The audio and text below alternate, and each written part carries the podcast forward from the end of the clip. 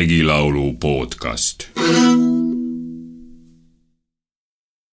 meitest aga meitest aga vennikene, meitest aga saab küll meestel lüüa, meestel lüüa, poistel panna, rauda kämmaldel rabada Tiina ruusikail taguda, meil on pää pihla kaista, kaelakondid kaase puista, õlanukid õuna puista, seljakondid siirin puista, küljekondid künna puista, meil on reied remmel kaista jalad all meil jalad kaista, varbad otsas vahte ruista, olgem uhked, seiskem sirged, nii kui kuused külma vastu,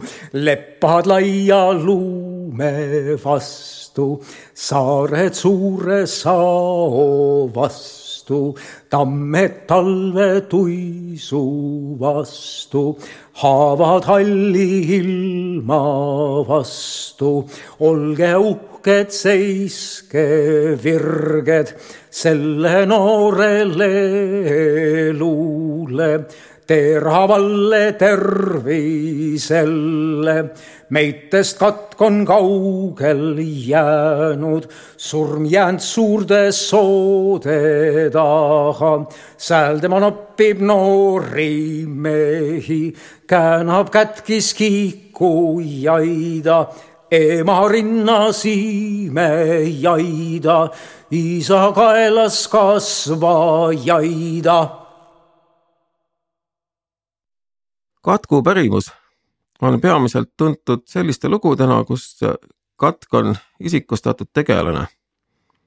ta otsib mingit viisi, kuidas maskeeritult külasse sisse imbuda.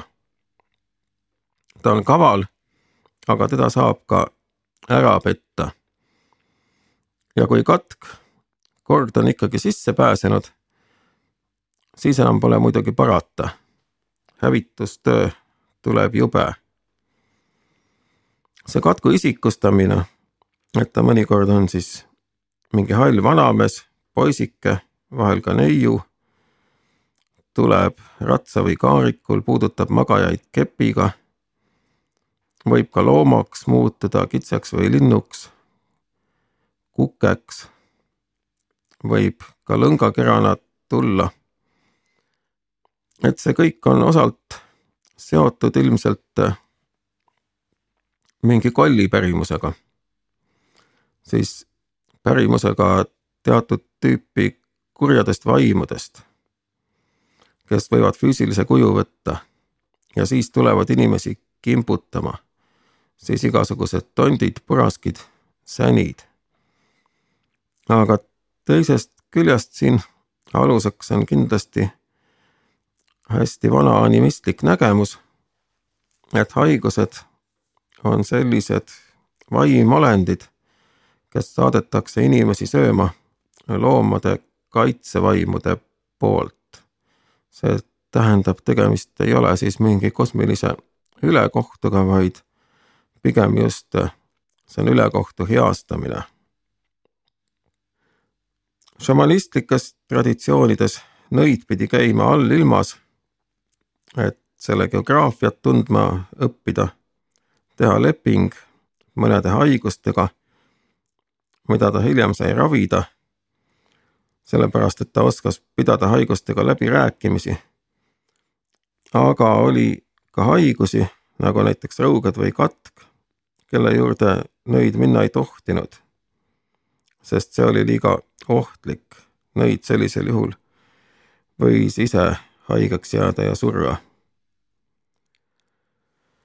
ja sellised haigused võivadki esineda kollidena,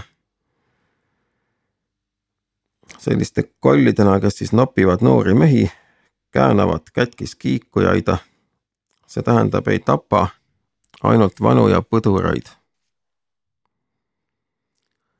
Harju Madise laul mida Jaak Johanson laulab, on muidugi ohutamislaul. siin püütakse iseennast veenda, et kõik see häda, see katk on juba kaugel. enam ta ei saa noori mehi murda ja seejuures iseennast võrreldakse puudega või isegi lauldakse ennast puudeks, väites, et meil on pää pihlakaista kaela, kondid kasepuista, õlanukkide õunapuista ja nii edasi.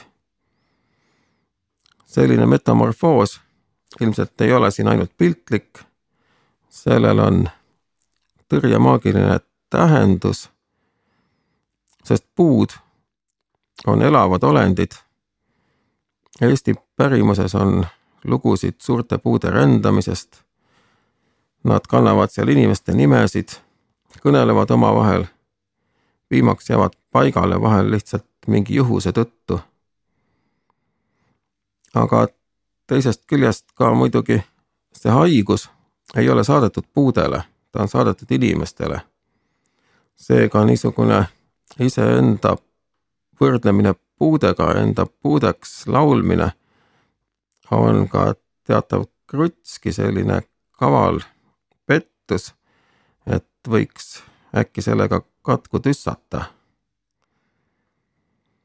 ja muidugi ohutamise juurde kuulub ka ärplemine. ollakse kõvad kaklejad, kellele ka raudkämbelad ja tinarusikad liiga ei tee.